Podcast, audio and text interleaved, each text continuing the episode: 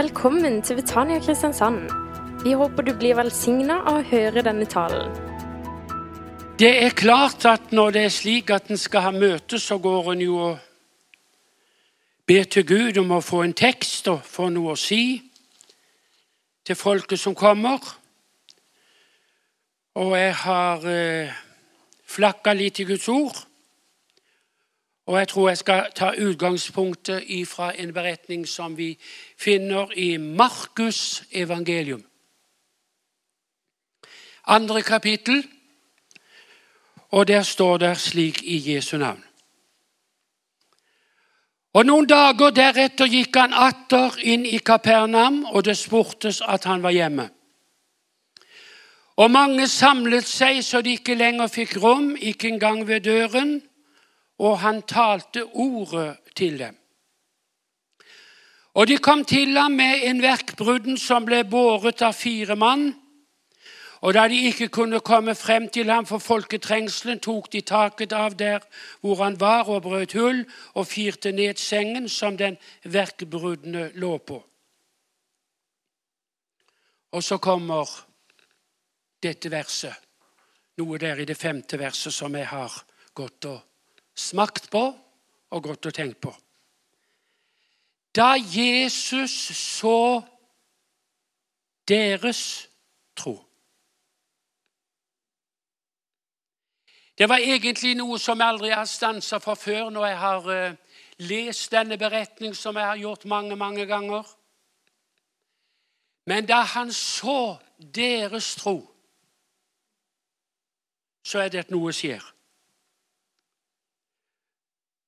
Så sa han til den vekkbrudne, dine synder er deg forlatt. Men så var det noen skriftlærde som satt der og tenkte i sitt hjerte hvorfor taler denne mannen så? Han spotter Gud. Hvem kan forlate synder uten én? Det er Gud. Og Jesus kjente straks i sin ånd at de tenkte så ved seg selv, og han sa til ham, hvorfor tenker de slikt i eders hjerter? Men hva er lettest enten å si til den verkbrudne dine synder er deg forlatt, eller å si stå opp og ta din seng og gå?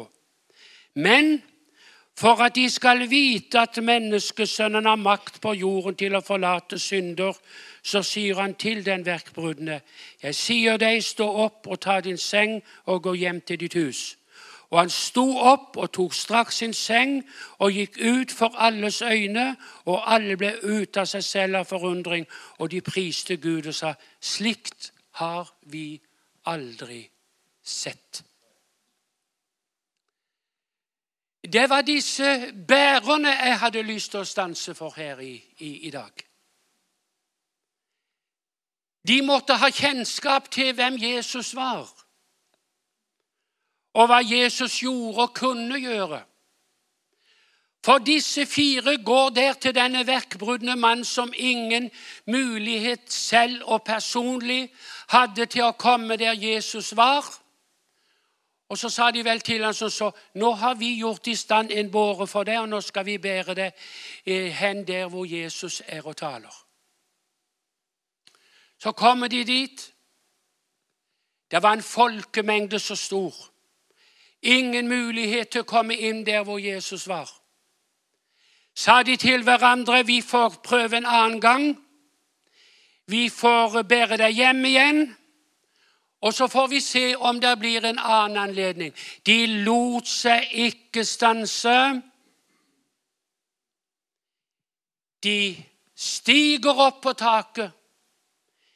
De gjør hull i taket firer den verkbrudne ned like for Jesu føtter. Og så står disse ordene Det har opptatt meg noe veldig i et par dager. Da han så deres tro. Åssen er det med troa vår, venner? Er den på topp? Er det ikke noe vi skulle ønske at vi måtte fylles av tro. Vi leser et sted i evangeliene at disiplene kom til Jesus og sa, 'Herre, øk vår tro.' Hvis vår tro økte, vi som er samla her i Betania på denne søndagskveld, så skulle det skje store ting her i Kristiansand. Det er jeg ganske, ganske overbevist om. Eh, en dag jeg var ute og kjørte, jeg var trøtt og sliten. Så satt jeg tenkt og reflekterte at om ett år og seks måneder så er jeg 80 år. Og så tenkte jeg da tror jeg jeg leverer inn håndkleet mitt og velger godstolen med leselampe og sitter der og, og koble litt av. Og så lekte jeg litt med den der tanken. Men plutselig så begynte Herrens ord å tale til mitt hjerte.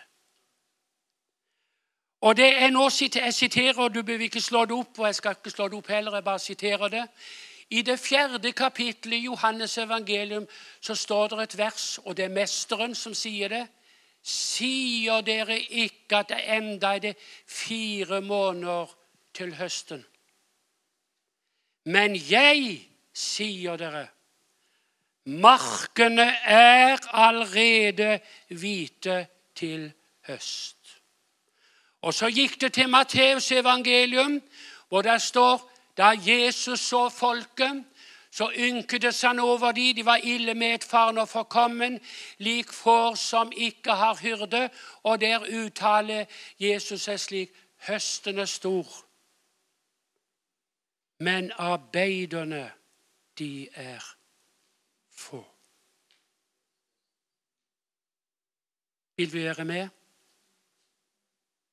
Her var det en som løftet hånda si og sa amen. Gud være lovet. Skal vi stille oss til Herrens disposisjon, brødre og søstre? Å, jeg vet det er mange som ber om at det skal bli vekkende tider her i forsamlingen i Kristiansand, utover i hele, hele vårt land. Jeg traff en misjonær her forleden. Og så sier han følgende til meg. Arne Sand, du må speide etter Herrens vitner. Så forsto jeg egentlig ikke med en gang hva han sa, og hva han mente. Speide etter Herrens vitner. Ja, det er jo noe vi ser. Etter nye, sa han. Ungdommer som er villige til å stå. Ungdommer som er villige til å gå ut og tjene Herren og vinne mennesker for Gud. Ja visst, det har vi all grunn å speide etter og be Gud om at vi må få oppleve i vår tid. Det er vel ganske naturlig at jeg er interessert i vekkelseshistorie. Jeg, leser en del vekkelseshistorie, og da spesielt så har jeg lest om Fredrik Fransson, han eh, eh, svenskebroderen som kom til Norge. Overalt hvor han kom, der ble det vekkelse og fremgang. Det var han som kom til Ålesund og hadde vekkelsesmøter og ble jagd ut av Ålesund. Han fikk ikke lov å sette sin fot der. Og Derfor når jeg er i Ålesund, så ser jeg alltid etter det huset som sto, og som ikke brannen fikk tatt med seg. Kona i huset hadde til og med tøy hengende ute på snora. Det lukta ikke engang brent av tøyet. Og hele byen var nedbrent. De tok ikke imot det Herrens vitne som var kommet der til Ålesund. Men ellers mange plasser i vårt land så tok de imot dette budskapet som Fredrik Fransson hadde.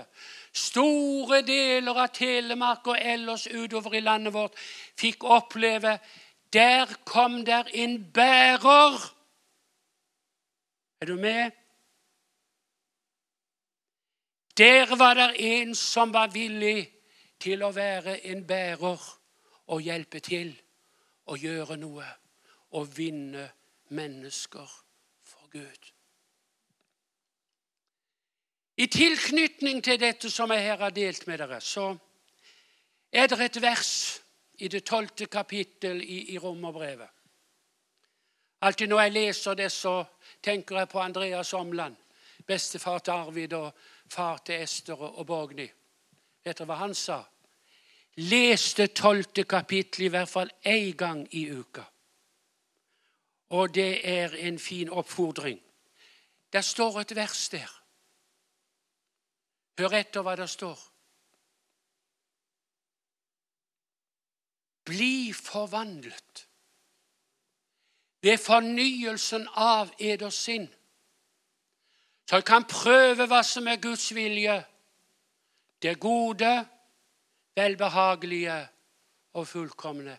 Hvis vi går til Herren og av hjertet ber denne bønn, som jeg også siterte, øk min tro og vi får se de muligheter, så er det en som gir oss kraft og nåde, så det lykkes.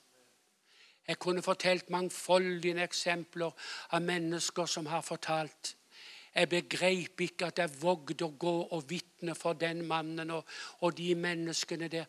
Og når jeg kom, så trilla tårene nedover deres kinn, og de var åpne og mottagelige. Og jeg fikk gitt de evangeliet, budskapet om Jesus. Kjenner du noen som må bæres? Jeg kjenner massevis. Massevis som må bæres. Massevis som må ha hjelp og ha et lite puss, så de kommer til møtene inn under ordets forkynnelse og får høre evangeliet om Jesus. Da går det an å gjøre som disse fire. De lagde en båre, og så legger de denne verkbruddene på båra og så kommer de til Jesus. Og så slipper de å bære denne verkbruddene hjem igjen. Han gikk av seg selv. Det var ikke undres over at folket sa slikt har vi aldri sett. Jeg husker en gang Egil og jeg var i India. Så var vi med ute i bushen der og var med i noen møter. Og når du så de menneskene som var samla der til møte Grepene de Han som leda møtet, jeg kan enda se han for han hadde ei blå skjorte på seg. Det var dabber av tårer nedover brystkassa hans. Av tårer. Så grepet var han av Gud. Og En gang bort til Riga vi hadde et friluftsmøte i en park der det var mandag morgen. Det var svarte folk. Folket gråt. Skamma seg ikke for å gråte. Store, kraftige menn sto der og gråt som barn. Hva var det for noe? Det var nød i deres hjerter. Men Ola Nordmann gråter kanskje ikke lenger. Måtte nøden legges inn over våre hjerter, brødre og søstre, så vi ble bærere. Vær med. Vær med og være en bærer her. Gjør det lille du kan, er det ikke så det heter i en sangstrofe? Gjør det lille du kan. Det lille kan bli til stor velsignelse. Vi husker denne lille gutten med de fem brød og to små fiskene. Jeg skal si det ble overflod. Og jeg skal si skaren var stor som ble mett av den lille nistepakken som denne gutten hadde når den kom i Jesu hender. Og Gud gi oss nåde, så det skjer noe med oss. At vi får en fornyelse så det merkes og kjennes. Jeg er frista til å fortelle to opplevelser. Fra Mandal, en av de, Egil og meg hadde møter i Salem. Og En søndagskveld der i ettermøtet Egil sto på, ved talerstolen og innbød folk å komme, så rett foran talerstolen så sitter der en broder i forsamlingen. Han hadde gått i Salem i mange mange år. Stor, kraftig fyr. Han reiser seg opp. Han snur seg mot forsamlingen. Så sa han, 'Dere kjenner meg alle her i menigheten', sa han.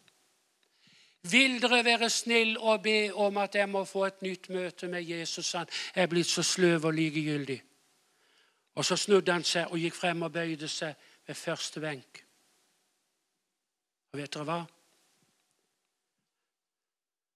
Han var sjef på Samslakteri i Mandal. Han var en kjent mann. Alle kjente Toralf Njerve. Vet du hva de sa i Mandal?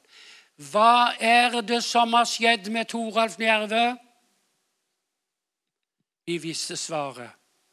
Han hadde opplevd en berøring som fornya han på slik en måte at omgivelsene merktes. Og det fikk han leve i jeg tror 15-16 år før eh, han døde. Det fikk han leve i til siste stund. Hadde ikke det vært en idé? Hadde ikke det vært en idé, brødre og søstre? Et nytt møte med Jesus. Et møte med Jesus forvandler alt. Halleluja. Lovet være Herrens navn. Så var det den andre. I gamle dager hadde vi ei, ei dame her i forsamlingen. Hun bodde i Lillesand. Ei mektig dame. Har skrevet mange av de flotte sangene vi har i Skibolett. Eh, mange smilte og dro på smilebåndet, for hun likte å spise kirsebær med de store gutta, sa vi. Hun gikk ut fra møter og samvær, hadde hørt både predikanter og misjonærer og hadde talt. og Hun rysta på sitt kloke hode og sa 'Å, stakkars, han vet ikke bedre'. Hun visste bedre. Så ble hun syk, 96 år gammel, og kom på Arendal sykehus og tenkte nå er det slutt. Mens hun ligger der på sykehuset i Arendal, fikk hun en mektig fornyelse. Hun fikk, enda, eh, hun fikk enda åtte år til. Hun ble 104 år gammel, denne, denne dama. Det ble en glød hos henne. Og folk sa, 'Hva er det som har skjedd med henne?' Tenk, Nå kan hun høre på en enkel bror og søster og si, 'Hva mener du, bror og søster?' Det gjorde hun aldri før, for hun visste best selv. Husker regler om jeg var besøkt henne borte i Lillesand. Så satt hun der i mektig dame og så satt hun Å, hva skal vi gjøre for å vinne Lillesands befolkning? Jeg har så nød i mitt hjerte. Vi gråt når vi hørte denne kvinna hadde fått en sånn fornyelse i sitt liv at hun hadde lyst i en alder av 96 år å vinne noen for Jesus. Og hun levde i denne fornyelsen til Herren tok henne hjem. Det er ikke bare ungdom som behøver det. Det gjelder oss gamle òg.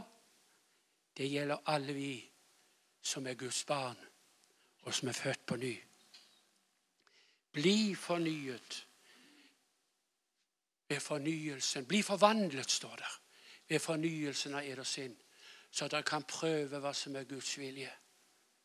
Det gode, velbehagelige og fullkomne. Halleluja. Amen.